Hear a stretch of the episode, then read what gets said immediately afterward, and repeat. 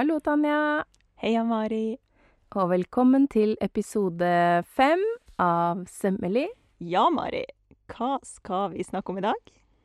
Du, nå går vi litt eh, back to basics, eh, tenker jeg. Og for nå har det vært eh, et par ganske rørete episoder hvor vi driver og blir kjent, og vi finner vel egentlig ut at vi kommer ganske godt overens også. Så hva er det første man gjør da, som er ganske viktig? Vi må nok helt inn i stoffet og snakke om hvordan det er vevd, og de trådene det består av. Og da det noe, for noen kanskje vanskelige tema, trådretning. Yes. Og det er jo gøy for oss som er spesielt interessert. Forhåpentligvis gøy for dere òg. Ja. Jeg tenker at eh, det er veldig mange eh, spørsmål der ute, tror jeg, rundt trådretning. Hvorfor er det så viktig? Hva skjer hvis man eh, ikke bryr seg så mye om det og driter litt i det? Hvordan kan man finne trådretninga enklest, og litt sånn. Og det her har jo vi ganske mye erfaring med. Og la meg bare si det sånn, til dere som lurer på hva trådretningen er godt for.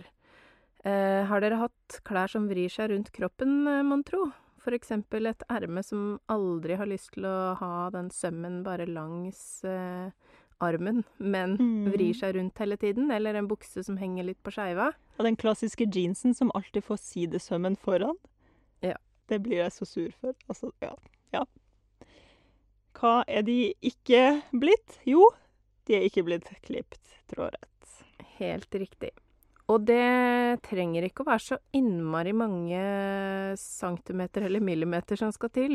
Mm. Eh, For det man kan tenke seg, da, som jeg pleier å bruke som en huskeregel for de som skal prøve å se det for seg, er at trådene de har lyst til å strekke seg ut så lange de er. Eh, og de har lyst til aller helst å henge rett ned, og når de ikke får lov til å henge rett ned, så finner de en eller annen måte å strekke seg ut så lange de er. Og da vrir de seg rundt kroppen.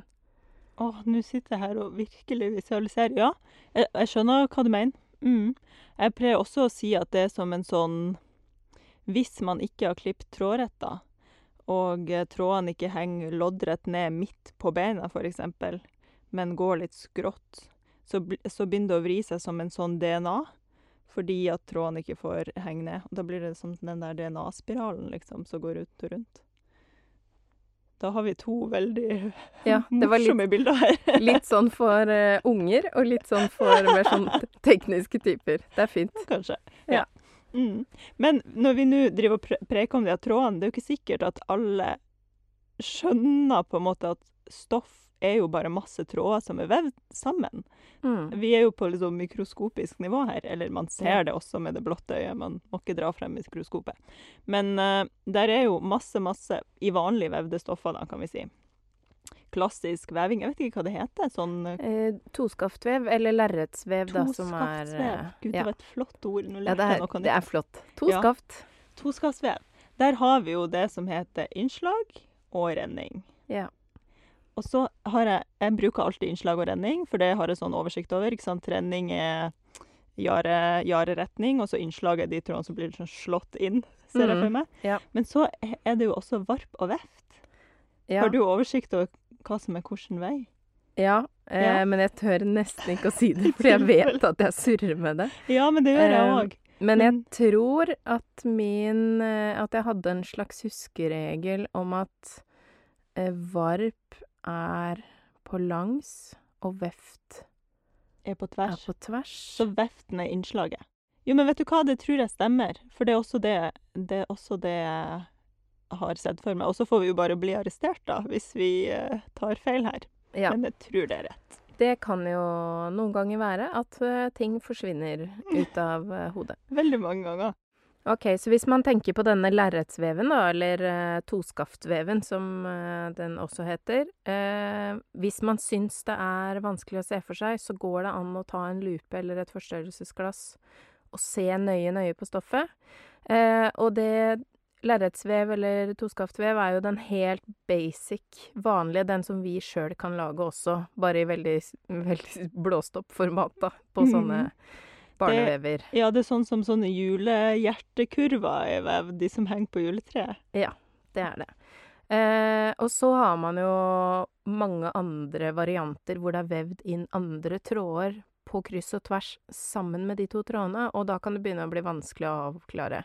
Men hvis man kikker eh, nøye på stoffet med en lupe eller forstørrelsesglass, så kan man få litt mer følelsen av det. Eller man kan Mm. se på grovere ullstoffer, for eksempel. Mm. Men altså, er det ikke alltid en uh, renning uansett? Uansett om det er satengvevd eller om det er sjakard og alt sånt. Det er jo alltid noen renn... Altså, ikke sant? Hvis dere ser for dere en sånn gammel vev, så er det jo masse, masse tråder som går gjennom den. Og det er jo skjelettet i stoffet, på en måte. Det må være der for at man skal kunne veve noen ting som helst. Mm. Så der er alltid en retning. Yeah. Og også i stretchstoff, altså jersey og sånn, selv om det er strikka, Mm. så er det fortsatt en retning. Ja, og da må man ofte zoome litt inn for å se de bitte små strikkemaskene, men det hjelper for å forstå trådretningen på strikka stoff. Men vi begynner med vevd, og så kan vi Ja. kanskje snakke litt om eh, strikk på slutten, siden vi er mest glad i fast stoff begge to. Ja. Ja.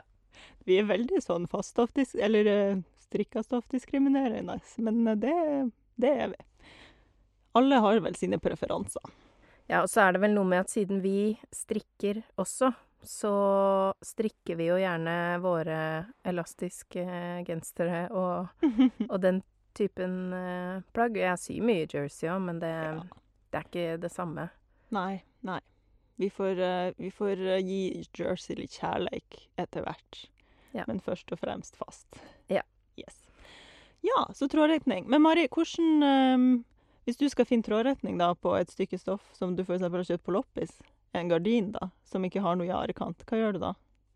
Eh, hvis den ikke har noe jarekant, så ser jeg først nøye på trådene, fordi etter hvert så får man jo trening i å se akkurat hvor For det er noe med både at man kan se tråden, men noen ganger så kan man på en måte også se glansen i det. Eh, og så drar jeg litt i det for å se Mm. når stoffet slapper av. Og det slapper av, kanskje et uh, litt diffust begrep, men eh, hvis man drar i stoffet og prøver å brette det i en retning som ikke følger trådretningen, så vil det bli litt mer sånn bulkete og ikke legge seg sånn veldig naturlig.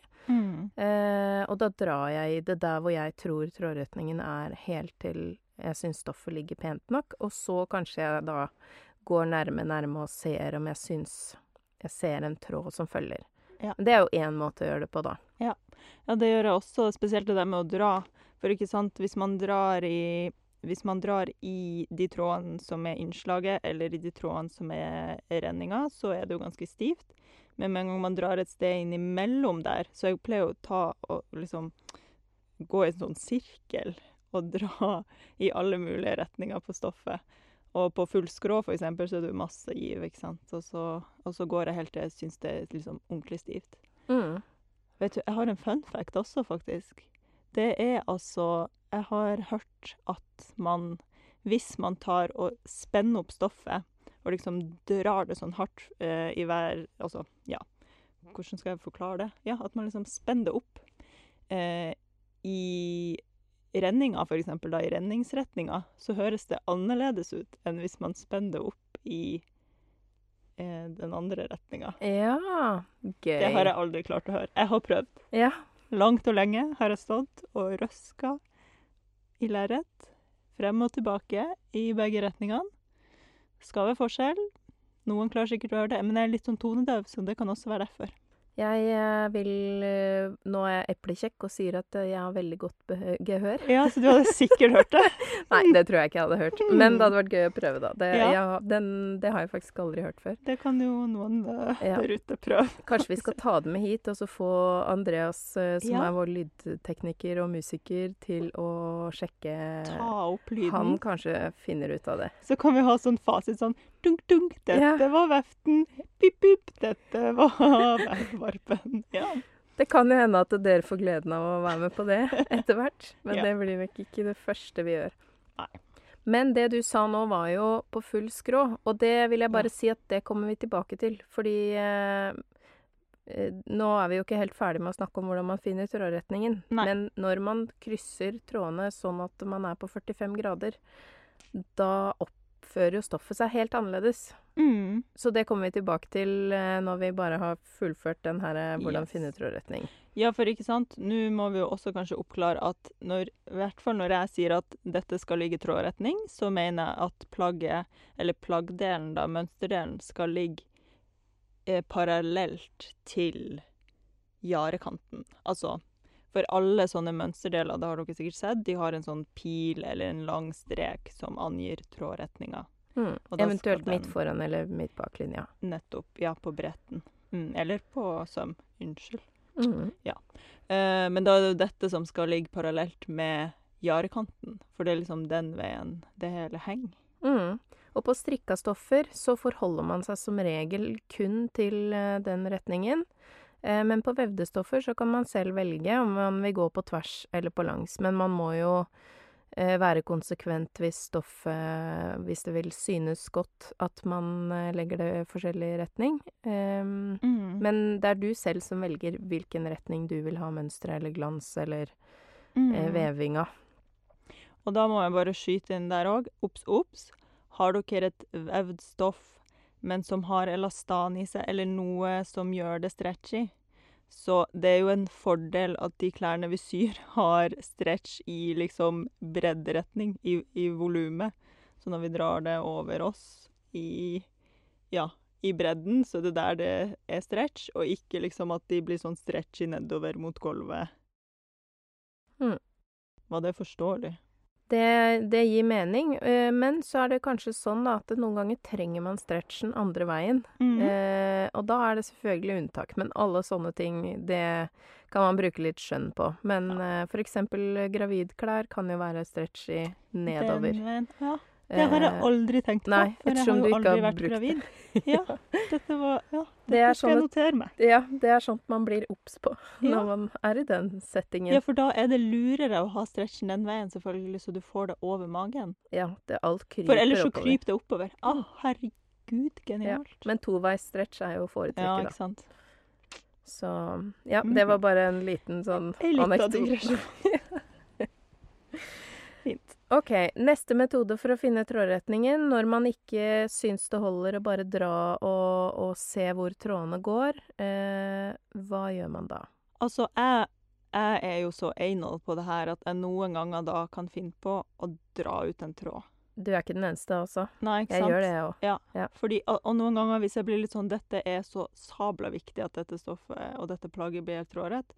Da drar jeg ut drar ut en eh, i, i eh, varpen og en i veften, og så får jeg liksom 90 grader. Og så klipper jeg langs den eh, kanten og er fornøyd. Jeg gjør også det, og spesielt på sånn grovt vevd ull, eksempel, er det jo veldig pent at det følger de vevde trådene. Ikke sant? Eh, men dette er jo selvfølgelig da når man ikke kan rive. Man kan jo rive, men eh, noen litt skjørere stoffer vil jo kunne utvide seg litt langs den rivekanten. Mm. Eh, og løst vevde stoffer kan jo ikke rives.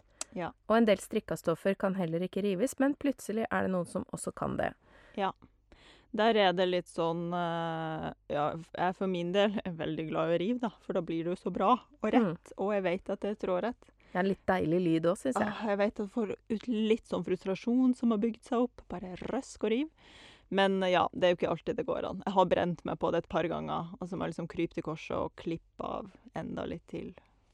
Fordi det har blitt strukket. Ja. Men det kan, jeg, jo- det kan vi jo da også bare etablere først som sist. Hvis man river et stoff Man klarer ikke å rive stoffet skjevt. Altså, man, det går ikke an.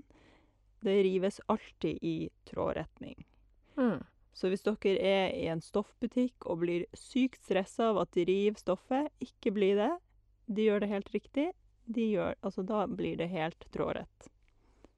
På de butikkene som river stoffet hvor stoffrullen havner på gulvet mens de river, der forstår jeg at folk blir opprørt, fordi det er, kan jo være litt opprørende. Eh, men det, så lenge det er reint, så bør jo det også gå bra. Man skal jo kanskje vaske det før man syr uansett. Men eh, eh, det som jeg også vil si da, er jo at eh, noen ganger, hvis det ser skeivt ut selv om det er blitt rivd, så handler jo det også om at når dette er blitt vevd, så er det blitt sendt inn i en maskin som har eh, rulla det opp på en rull, eller bretta det sammen og, og tatt det på et brett. Eh, og der kan eh, gjerdekantene ha blitt litt forskjøvet, og eh, dermed, ettersom det er såpass mye trykk i de maskinene, så kan de ha gjort at trådretningen på tvers blir skeiv. Så man vil kanskje noen ganger se at det er akkurat som at det buer nedover på midten. At trådene liksom henger ned på midten. Mm. Eh, og det er ting som kan være mulig å vaske og dampe bort og strekke og sånn, men det er ikke den i butikken som har gjort noe feil. Det er eh, Det kan skje. Eh, Da har bare stoffet blitt mishandla, rett og slett, i, altså sånn, i prosessen med å bli rulla opp. I barndommen. Som. Ja, i barndommen. Det er rett og slett som barndomsskade. da. Jeg har sett sånn video av de der maskinene som ruller, og det ser jo ganske heftig ut. ja. Så det er ikke rart at, noe, at noen av de trådene på en måte mista litt uh, retninga si. Ja, det er maskiner, rett og slett, og, og ikke hender. Mm. Ja, da pleier jo jeg å, å, å eh, drive og dra, da. Da står jeg og drar og drar og drar i liksom hvert sitt hjørne og innover på stoffet og sånn. Det har dere kanskje også sett at det er mulig. Hvis eh, innslaget har, ja, sånn som Mari sa, ikke sant? hvis det ser ut som det dupper nedover, eller at det er helt sånn vindskjevt i én retning, så kan man prøve å, å nappe i stoffet motsatt retning, da. Hvis det går mot et hjørne og blir en sånn rombe, så prøver dere å dra sånn at det blir rombe andre veien og sånn. Mm. Det går. Ja. Så dra i de to motstående hjørnene, sånn at eh, stoffet strekker seg litt som en trekant. Litt som Mm. man vil brette et firkanta skjerf når man skal knyte det sånn Man får sånn trekant ned. Ja. ja, det fins håp, men det tar noen ganger Altså, jeg vet ikke hvor mange minutter eller kanskje timer av mitt liv jeg har mista på å rette opp trådretninga i sånne stoffer. Ja. Det er så kjedelig, men uh... Husker det var noe av det som gjorde meg mest rasende på Kunsthøgskolen, da vi lærte det. ja. Og eh, Mari på Jeg vet ikke om jeg var 20, kanskje, som var Mhm. sånn eh, kunstnerisk rotehue, veldig utålmodig. Det var ikke noe for meg. Men Nei. nå ser jeg verdien i det. Ja. Mm. Det, og jeg, kan, jeg kan faktisk liksom stå kanskje en halvtime når jeg forbereder sånn lerret for å modellere. Da må det være helt trådrett. Ellers så får jeg helt panikk når jeg står der og modellerer, fordi da skjønner man jo ikke hvor man er hen i verden lenger. Så da står jeg der med de lerretsbitene og altså røsker og river og damper og styrer. Det blir bra til slutt, altså. Men Det var i forbindelse med modellering at vi gjorde det der òg. Ja. Men det ga seg fort hos, hos meg, dessverre. Det er litt fælt å innrømme. Nei, men det, men det er en fin teknikk som Ja. anbefales hvis man har fått et vindskeivt uh, stoff. Ja. Så når man står da med et uh, trådrett stoff uh, og har funnet ut eh, hvor eh, trådene er, alt er klart, så skal man legge på mønsterbiten, og så måle trådretningen på mønsteret, sånn at den stemmer overens med trådretningen i stoffet. Hva gjør man da? Da er vi tilbake på de her strekene, da, eller midt foran eller midt bak, som angir hvordan mønsteret skal legges på stoffet. Og da kan man jo selvfølgelig etter hvert som man eh, har trent opp øyet, begynne å gjøre det på øyet. Ellers så er det rett og slett å gå med målbåndet. Fra den streken Jeg pleier å ta hvis jeg har liksom et langt bukseben, da. Fra øverst på den streken til jarekant, så og så mye. Fra nederst på den streken til ørekant, så og så mye. Skal være likt. Skal være helt parallelt. Og så hvis man etter hvert liksom får 1000 mønsterdeler som ligger på, så kan man jo begynne å måle liksom fra Hvis du vet OK, dette buksebeinet er trådrett, så kan jeg måle fra den streken og videre til Mm. andre deler og sånn, da. Ja. ja. Jeg måler også midt på, eh, sånn rundt kneet cirka, og i mm. tilfelle stoffet har bua seg litt, eller Ja. Eh, For plutselig, hvis man jobber med veldig sånn bevegelige stoffer, så kan det jo skje at man puster litt hardt, og så ja. I ligger det i en bue under der. Ja. eh, sånn at jeg måler gjerne to-tre punkter, da. Det kommer litt an på hvor stor biten er. Ja. Eh, og så måler jeg faktisk alltid fra gjerdekant. Det er kanskje litt, kommer kanskje litt overraskende på, eh, Mm. ettersom jeg har et image som ikke er den mest nøye. Men eh, Ja. jeg er ganske nøye på klipping. Ja. Ja, det er bra. Og så hadde jeg også litt lyst til å si det der med Ja, jo hvor, ah, kommer an på hvor stor bitene er. Altså, jo lengre bit man har. Ikke? Det er jo ofte ermer og sånne buksebein og litt lengre til Altså sånn lange ting som begynner å vri seg. For det er så langt fra liksom der man starta, og så kan den differansen bli så utrolig stor. Så hvis dere liksom måler øverst, og så er det en liten differanse på en halv centimeter på kneet, da er jo den mye større helt nederst. Så Mm. altså Juster de mønstrene. Og en skeivhet på 2-3 cm i, eh, i trådretning fra øverst til nederst, det er et buksebein som vrir seg 2-3 cm, det. Og så når det først har begynt å vri seg, så er det jo godt i gang. Så da mm. har de jo kanskje oppdaga en kurve det kan hekte seg på og fortsette å vri rundt. Oh yes. Ja. Så nøye Akkurat der er det veldig fint å være nøye. Men en liten sånn eh, Når vi først snakker om å klippe ut Bruker du saks eller skjærehjul? Altså, helt frem til jeg ble lærling, og da sydde jeg jo ikke så veldig mye, men jeg, jeg brukte veldig mye skjærehjul før. Men så Det går jo ikke. Skal du klippe liksom en fotsid kjole har, Vi har i hvert fall ikke noen sånne skjærematter som er så store.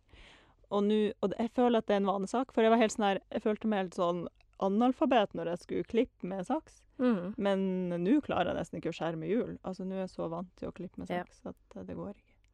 Ja, man må nesten ha et skjærebord hvis det skal fungere. Ja, det føler jeg. Og da må man jo bytte en overflate med sånn ganske jevne mellomrom, fordi ja. Ellers så hekter det seg jo opp og sånn. Ja. Men får du klippe også, eller? Jeg er en klipper, og jeg føler at jeg, jeg og saksa, vi er ett. Det Ja. har vi vært i alle år. Så for meg å plutselig Jeg vet at mange bruker skjærehjul, og jeg skjønner hvorfor de gjør det. Mange spør hvorfor jeg ikke gjør det, men Ja. for en som har da vært bestevenn med saks siden barndommen, så er det veldig unaturlig. Og pluss jeg snakker jo, har jo litt fakter når jeg snakker, og så står jeg med et skjærhjul. Og plutselig er jeg snidda borti armen. Det har skjedd mange ganger. Mari saksehånd er mye mer sånn HMS-vennlig enn Mari eh, skjærehjulhånd. Ja, det, det går ikke. Og Nei. barna er på verkstedet og sånn, og jeg Ja. blir nervøs av å vite at det skjærehjulet er tilgjengelig for dem, så det Ja, ja. Altså, jeg tar jo aldri på den Altså, hvis jeg først har åpna skjærehjulet og tatt av sikringa, så er jo ikke den sikringa på før eh, jeg har mista den ned og tenkt at oi, dette kunne gått rett ned i foten, liksom. Ja, jeg setter på den sikringa bare jeg tar Bare jeg skal snu Ja, ikke sant? Men det er fordi jeg har skåret meg sånn nesten alvorlig så mange ganger at jeg Ja, jeg er veldig klønete. Har du noen gang klippet, deg? Eh, ja. Ja. Eh, jeg har klippet, eh, en gang klippet jeg av litt av tuppen eh, på fingeren. Ja. Men jeg har selvfølgelig sydd gjennom neglene og sånn. Det er jo Ja. sånt som skjer. Det skjer. Det skjer. Det er lenge siden nå, så er det sikkert ikke lenge til det skjer igjen. Å, gud, ikke snakk. Jeg har òg Det er altfor lenge siden, så nå kommer det til å skje noe rart snart. Ja, ja. Nå banka jeg bordet på vegne av oss begge. Yes. Ja, så, Men eh, nå har vi jo snakka om eh, toskaftvev, den helt vanlige veven. Og så kan man jo kanskje ta sveipe litt kjapt innom eh, noen andre vevtyper. Da er det jo kypervev, som er den eh, som går litt på skrå, som man kan jo Altså, her er det jo mange som har litt forskjellige navn, men det er veldig Ja. mange som ligner på hverandre. Fordi, for det er ikke det samme som tvill. Eller er det det samme? Jo. Det er det samme, ikke sant? For da Ja. begynte jeg å lure om Ja. jeg hadde misforstått alt her i verden. Nei. Men det hadde jeg ikke. Men det er sånn typisk den norske Ja, keeper, var det jeg lærte på skolen. Ja, Ja. skjønner. Mm. Eh, men eh, ja, så det er jo da når det går en eh, eh, tråd på skrå opp og ned eh, i forhold til den vanlige toskaften. Så det er da en tilleggstråd på skrå. Det er jo samme system som man sikkert også har sett på jeans. Så er det jo varianter av de her, da. Eh, Mm. men alle er beslekta. Yes. Og da kan jeg bare skyte Eller jeg har en sånn følelse av at sånne type sånn tvillvev, da, som jeg kaller det, at eh, de har mye lettere for å bli sånn rombeforma av den der skråtråden som er vevd inn. Det er akkurat som at den liksom bestemmer litt litt. Ja, at Ja, liksom Ja, her skal vi ikke like trådrett. Sånne tvillstoffer har jeg røska mye i også. Buksestoffer, liksom. Det er et uh, godt poeng. Den teorien uh, er jeg egentlig litt med på, kjenner jeg. Ja.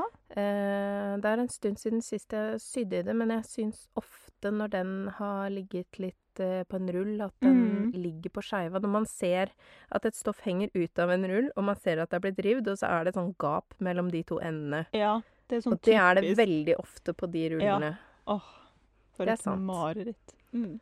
Ja, men det har jo vært innom den. Mm. Og, det, og er ikke også satengveven eh, med skråtråder inni der? Mm. Ja. Så er det jo forskjellige varianter av sateng, selvfølgelig. Og dette er ikke en episode som, skal handle om veving. Nei. Men vi tenkte bare at vi skulle nevne at alle de andre typene eh, stoffer, de består jo av de to på Som regel av de to i bånd, liksom, som Mm. eh, skjelettet. I hvert fall den ene i bånd. Yes. Og så varianter av én skrå eller to skrå, eller litt opp og ned, så det blir mer sånn diamantmønster. Ja. Um, og et sånt type vaffelmønster, det er jo fortsatt i sjangeren toskaft, men så er det kanskje forskjellig tykkelse på tråden osv. Så, videre. Mm. så um, fortsatt eh, for, Felles for alle de her er jo at man, man følger jo lengderetningen. Men la oss bare snakke bitte litt om glans. Ja. Viktig, viktig. Og kanskje også hår. Glans og hår. Nå følte jeg vi hadde sånn livsstils, eh, f- livsstilspod. frisyregreier? Nei. Ja, Mari. Kjør. Kjør an. Jeg føler at du har mye kompetanse på dette feltet. Ja, jeg kan i hvert fall begynne. Eh, og da den mest innlysende å starte med, det er jo fløyel. Fordi eh, fløyel har forskjellig glans ut ifra hvilken vinkel man ser det fra, og det er kjempeviktig at man eh, tar hensyn til det når man klipper ut. Og det, det gjelder jo selvfølgelig mange andre stoffer òg, men det er spesielt tydelig på fløyel. Men det er ikke så tydelig mens man klipper ut. Nei. Men det kan være tydelig når man går rundt med den buksa som skinner helt forskjellig på beina og sånn. Et lyst og et mørkt bein. En Ja. Det er en klassiker. Så eh, da, for eksempel for å finne ut av hvilken vei det skinner penest i dine øyne, så kan du jo holde det opp og se eh, Mm. hva du syns er penest. Men så pleier jeg også å ta den stryketesten, at jeg børster Jeg holder det på kroppen, og så børster jeg nedover. Fordi jeg vet at eh, Eller jeg tror at jeg gjør motsatt av regelen, så her har du kanskje lært noe annet på jobb. Men Ja. jeg er en eh, grise, grisete type. Jeg søler Ja, ja. mye. Ja. Så derfor må jeg kunne børste ned. Det samler seg alltid som i smuler Inni på håret. meg. Så da må jeg børste nedover. Uten at jeg får et sånt stort, lyst område der. Ikke fordi jeg har sant? børsta der. Så det er min regel, at jeg, jeg skal børste nedover på mine plagg. Men Mm. så er det mange som sverger til motsatt, så jeg er veldig spent på hva du har lært. Jeg har selvfølgelig lært motsatt. Eller selvfølgelig, det er jo ikke selvfølgelig, men jeg har lært motsatt. Eh, og jeg har også lest meg litt opp på det her, sånn motehistorisk, skjønner du. Og da har jeg skjønt at eh, regelen har for det meste vært at hårene skal stå opp. Fordi stoffet ser jo litt sånn mørkere, mer sånn dypt ut i fargen, eh, kontra hvis de er kose, koselige å stryke på når man stryker nedover. Um, og dette har liksom alltid vært regelen, men så var det et lite, en liten periode, det må ha vært 70-tallet en gang, eller noe sånt, der eh, noen selvfølgelig fant ut at nå skulle de gjøre en statement ut av det her, og det var liksom bare helt ukult å gå med de hårene oppover, og da begynte alle å gå liksom med de nedover, da. Eh, men ja, vi har lært oppover, da. Og det Jeg tror Jeg syns jo det er en smakssak. Men som sagt, ta, ta og se det sjøl, dere som skal sy det her, for å se hva, hva liker dere. Syns, hva er viktigst? på en måte? Er det viktigst at man kan børste av seg smulene, eller puse? At det er koselig når man puser nedover på seg sjøl? Eller er det viktigst at den er mørkere, eller ja. Så ta Vær i hvert fall bevisst, da, sånn at det ikke blir sånn på slumpen. Og det er ikke alltid det er så stor forskjell heller, men eh, det er bare greit at man har tenkt på det. Og det samme gjelder jo selvfølgelig stoff med print i en retning. Da følger man jo den retningen. Mm. og vevmønster. Men det med glans er jo liksom ganske En sånn ting som er innlysende når man har plagget på, men kanskje ikke innlysende når man klipper. Ja. Og bare også være obs på altså, Det her gjelder også kordfløyel, så de kule kordfløyelsbuksene dere skal sy dere, de må dere passe på. Og også det er mye sånn fløyel som kanskje er printa på eller brodert på, eller at man kanskje egentlig ikke tenker over at oi, dette er jo faktisk fløyel, Mm, og det har en hårretning. ja. Ja. Så alt som har hår, hår eller pus, Ja. bør man tenke litt ekstra over. Mm. Så er det jo mange andre satengvarianter som skinner forskjellig. Eh, generelt glansfulle stoffer, da, kan det være greit å ta en sjekk. Ja. Veldig, veldig lurt. Nå, Tanja, tenker jeg du skal få lov til å snakke litt om noe som jeg tror at du er litt glad i. Og tror du jeg er glad i full skrå? Jeg vet jeg tror ikke. du er glad i skråklipp, ja. Ja, jeg, jeg har litt sånn elsk-hat-forhold til full skrå, tror jeg. Jeg vet ikke. Jeg føler ikke at jeg har liksom Jeg føler ikke jeg har oppdaga full skrås fulle kompetanse, for å si det sånn. Men jeg er jo veldig glad i det når det er praktisk, og jeg f.eks. skal ha skråbånd, eller liksom når jeg vet at OK, her vil jeg gjerne pakke inn mye holdning, og så ja, bla, bla, bla. Eh, men ja, som vi sa, hvis, vi, hvis man tenker på eh, varpen og veften som tråder som går i 90 grader i forhold til hverandre, så de lager 90 graders vinkel, så blir jo den 45-graderen imellom de, det er full skrå. Og det er der det er mest Jeg pleier å si at det er mest giv i stoffet. Altså sånn at det er mest stretchy. Til og med selv om det ikke er strekkstoff i det hele tatt, så kan man få ganske mye stretch ut av et fast stoff på full skrå. Og det er jo det som er sånn historisk sett, da. Eh, ganske fantastisk å se hva man har klart å trylle fram. Mm. Før, eh, før finstrikk eh, kom inn i, i, i klesverden, og eh, før man hadde stretchplagg sånn som vi har nå, så mm. brukte man jo skrå skråretningen i stoffet for å lage en viss stretch. Og da kan man i visse settinger settinger f.eks. droppe innsnitt. Eh, plagget vil drapere seg helt annerledes rundt kroppen, og det som regel så, så er det ganske takknemlig. Mm. Men det har jo helt klart sine utfordringer å jobbe med noe som ikke har en klar retning. Det kan man jo kanskje begynne å se for seg. Ja. Og, og egentlig bare det å sy. Altså hvis man skal sy sammen to stoffbiter eh, langs en kant som er på full skrå, da blir det mye bølgetull hvis man ikke har tunga rett i munnen. Ja. For det strekker seg jo mens man syr det gjennom maskina. Og dette kan også være på et A-forma skjørt. Mhm. Sidesømmene på et A-forma skjørt de vil veldig lett utvide seg, og man får en sånn, et sånt hengende hjørne, som dere sikkert har sett. Mhm. Eh, og det er derfor. Fordi trådene de gir litt ekstra slipp, og, og slipper inn mer eh, Rett og slett utvider seg da mens man syr. Ja, og også litt sånn med tida. Sånne Ja. fulle sirkelskjørt, eksempel. Eh, hvis de får henge skapet lenge nok, så kan de jo begynne å liksom lepe eller dra mer på der det er på fullt skrå, kontra der tråden henger rett ned og holder igjen, da. Ja, da får man motsatt problem. Hvis full skrå er midt foran, så får man eh, en, en sånn bue ned midt foran og midt bak. Eh, og derfor, når man har klipt f.eks. et skjørt, eh, så i hvert fall det jeg pleier å gjøre, er at jeg lar det henge kanskje et par dager på en henger før jeg eh, tar kanten nederst, for da kan jeg klippe bort. Så det får hengt fra seg litt. Kanskje jeg kjører på med litt damp og, og gi, rister litt og gir det litt ekstra medfart, da. Mm, samme her. Aldri. Jeg orka ikke å begynne å renklippe dag én. Det er ikke noe vits. Nei. Det er bare å la det henge noen dager.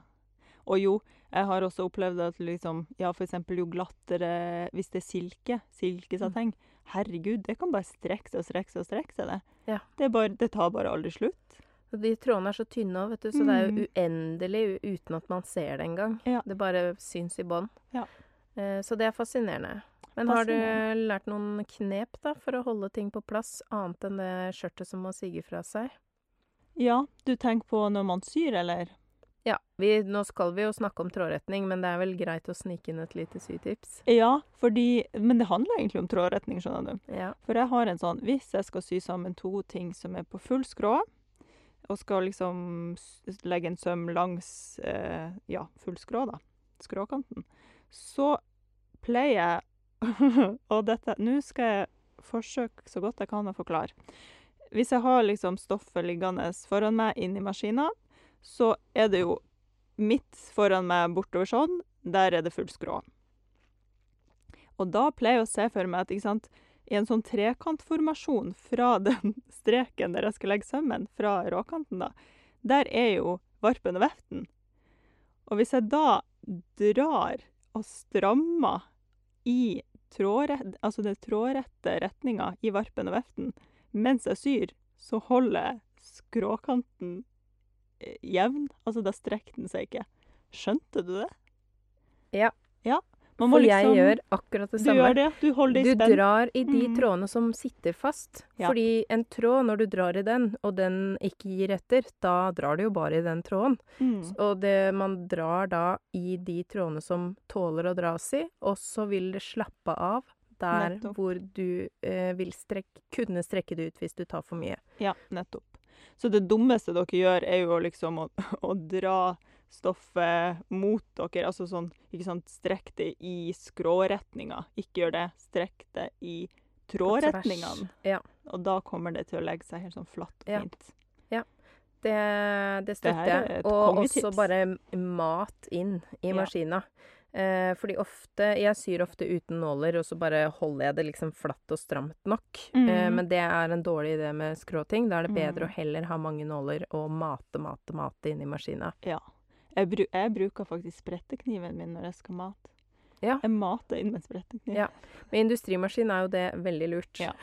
det kan jo fort gå til ja. Kan gå ganske gærent, rett og Yes. slett. Men jeg snidde fingrene mine hele tida, men nå går det jo ikke så fort med mine Nei, ikke sant. dessverre ikke Pål-maskin. ja, men noen ganger er jeg farlig rask, altså. Ja. For rask for mitt eget beste. Men du, jeg kom på en ting til i forhold til sånn skrått, og at det draperer veldig fint. Jeg leste om en designer, og hun Eller hørte om hun, litt usikker, men i hvert fall. Hun eh, kun klær som er klippet på full skrå, fordi da er det jo så mange flere størrelser i ett plagg. Ja, For det er et godt sant? poeng. Når det henger Altså, det henger jo og, og, og eh, svøper rundt kroppen hvis man er liten. Og så, ikke sant, jo større man blir, jo mer utvida disse bare. Og så blir det kanskje litt kortere, da, den kjolen, Ja. hvis man er mer i omkrets. Ja. Men liksom én kjole kan passe så mange forskjellige former, for den liksom draperer seg rundt alle fasonger. Den perfekte kroppspositivistiske varianten. Full skrå, altså. Halleluja. ja, nå kjente jeg ble varm inni meg. Yes. Var det en ny designer, eller var det klassisk eh, det, hun er sånn nå aktuell. Hun, Ja. hun lager vel ting nå, og jeg husker selvfølgelig ikke navn, det må jeg bare beklage. Men eh, hun er basert i London. Hun ja. skal vi prøve å finne og dele på Instagram når Yes. vi finner henne. Yes. Ja, men eh, kult. Jeg vet jo også at det er mange Bare sånn et lite ekstra tips til skråklipp. Det er jo mm. mange som legger inn et stabiliseringsbånd eh, når de syr på skrått. Personlig så er ikke jeg så veldig glad i eh, oppstivere av noe Mhm. slag når jeg syr, fordi jeg vil så gjerne at stoffet skal få være stoffet. Ja. Eh, men det kan jo være en kjempehjelp, da. I, I litt fastere stoffer hvor det ikke vil synes at det ligger noe under der, Mm. eh, så kan det være lurt. Kan, hvis dere f.eks. skal legge inn en glidelås eh, i en rygg eller hvor som helst der det er fullskrått, kan være, en, kan være en fordel. Men samtidig, har man skills nok, så klarer man det uten eh, det stabiliseringsbåndet, altså. Ja. Det går. Jeg bruker det ikke på glidelås, men eh, det hender jo at man må gjøre det et par ganger før det blir perfekt, da. Ja. ja. Sånn er det med alt her i livet. Sånn er det. Ja, jeg føler egentlig vi er gjennom eh, det meste av trådretning. Send spørsmål hvis vi har glemt noe helt innlysende. Vi lager selvfølgelig en egen post om denne episoden der dere kan komme med innspill. Mm. Og hvis det er veldig mye vi har glemt, så får vi nesten bare lage trådretning volum to Ja. litt seinere. Ja. Mm. Det får vi heller gjøre. Altså, Mari, nå har jeg jo sittet her og brent inne med en enorm feil som jeg har gjort denne uka, så nå tror jeg bare vi må lansere ukas feil først som sist. For det, det her må jeg bare få, må jeg bare få av brystet mitt. Og det er egentlig litt relatert til uh, trådretning. Jo, for når vi driver og snakker her i kveld, så driver jeg og jobber med et eh, kostymeprosjekt. Som faktisk har hatt premiere når denne episoden kommer ut, så da håper jeg jo at alt har gått bra. Men eh, akkurat i går så kjente jeg at nå orker jeg ikke mer. For jeg har selvfølgelig altfor mange ting jeg skal gjøre, og sånn, og jeg koser meg glugg i hjel. Eh, men liksom strever alltid med tida. Og så i går sto jeg opp ekstra tidlig. Når? Hadde alarmen på seks. Ja. Og da sto jeg opp så jeg skulle komme på atelieret litt tidlig for å få unna litt ting. Kommer dit, helt klar, har en klar plan. Skal klippe en shorts. I fuskepels. Og det her er en sånn, eh, en sånn chaps, har jeg tenkt at dette skal være. da. En sånn uh, pelschap. Chaps. Ja, det er Pelschaps, det er vel et etablert begrep? helt innafor, tenker jeg. Eh, For de som ikke vet, det er jo en sånn cowboybukse på en måte som er sånn åpen i skrittet. Så den går ikke sammen midt foran eller midt bak, men er en sånn avrunda, ja. Er det lov å det. si at jeg i mitt barnslige hode syns det er veldig gøy at det er hår alle andre steder enn i skrittet? Det er veldig lov. Det er et veldig godt poeng. Du ble enda mer fornøyd med den ideen. Ja. Ja. Og da skal jeg klippe denne chapsen i det her fuskpelsen, som en sånn eh, dus, lilla, hvit ku-aktig mønster. Ikke så veldig ku, men ja. Legg på mønsteret, eller jeg har klippet ut uh, fôret først, og så eh, bruker jeg bare fôrbitene som mønster når jeg skal klippe det her eh, pelsen. Og så må jeg jo selvfølgelig skjære den fra vranga, ikke sant, for at jeg ikke skal få pels overalt. Så da står jeg der med tapetkniven min og skjærer, og da må jeg skjære ett og ett stykke, ikke sant.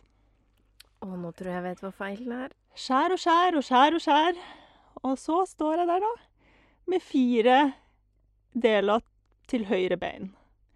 To høyre forstykker og to høyre bakstykker. Og så blir jeg så sur. Og så tenker jeg sånn, ja ja, da har jeg i hvert fall ett høyre for- og bakstykke. Men nei da. Tror du faen ikke jeg klarte å klippe forstykkene med feil pelsretning? Altså sånn at pelsen er feil vei. Så jeg har jo ikke noe Jeg har ikke ett bein engang, liksom. Jeg har fire buksedeler og ikke et eneste bein. Og fordi at skrittet er så, altså sånn, det er såpass lav skjæring ikke sant, i skrittbuen, så får jeg får ikke av det heller. Jeg måtte kjøpe meg mer fuskepels i går. Åh, var så sur. Bare kjenner, altså, det må da gå an å redde det her på et eller annet vis. Til slutt klarte jeg selvfølgelig da å tenke meg til at bakstykkene er jo litt større, så jeg klarer jo liksom gjøre det ene bakstykket som er riktig pelsretning, om til et forstykke. Men jeg måtte fortsatt uh, krype til korset og dra til Grønland og kjøpe mer fuskepels. Får du nok deg litt av pelslue av de delene nå, eller? Altså, det blir muffe og lue og alt mulig rart. Det eneste er bare den fargen jeg ikke er så veldig fan av, så det tror jeg må bli noen gaver til noen småtroll, kanskje. Ja, det høres veldig ut som den her litt tilbakevendende Spice Girls-aktig stil-trenden som er for tida. Så for det Meld dere hvis eh, noen kjenner at det her høres veldig fristende ut. Ja, vær så snill, rop ut. Jeg Kanskje vi må lodde ut som Ja, vi må lodde ut. Tanjas største feil denne uka. Nei, vet du hva, altså da Og det var så irriterende. For vanligvis Altså sånn, man klipper jo alltid litt feil, men man klarer jo alltid å redde inn.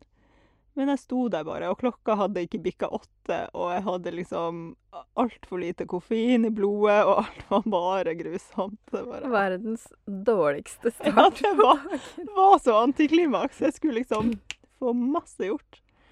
Nei. Ja. Nei, jeg har ikke noe som kan toppe det der, altså.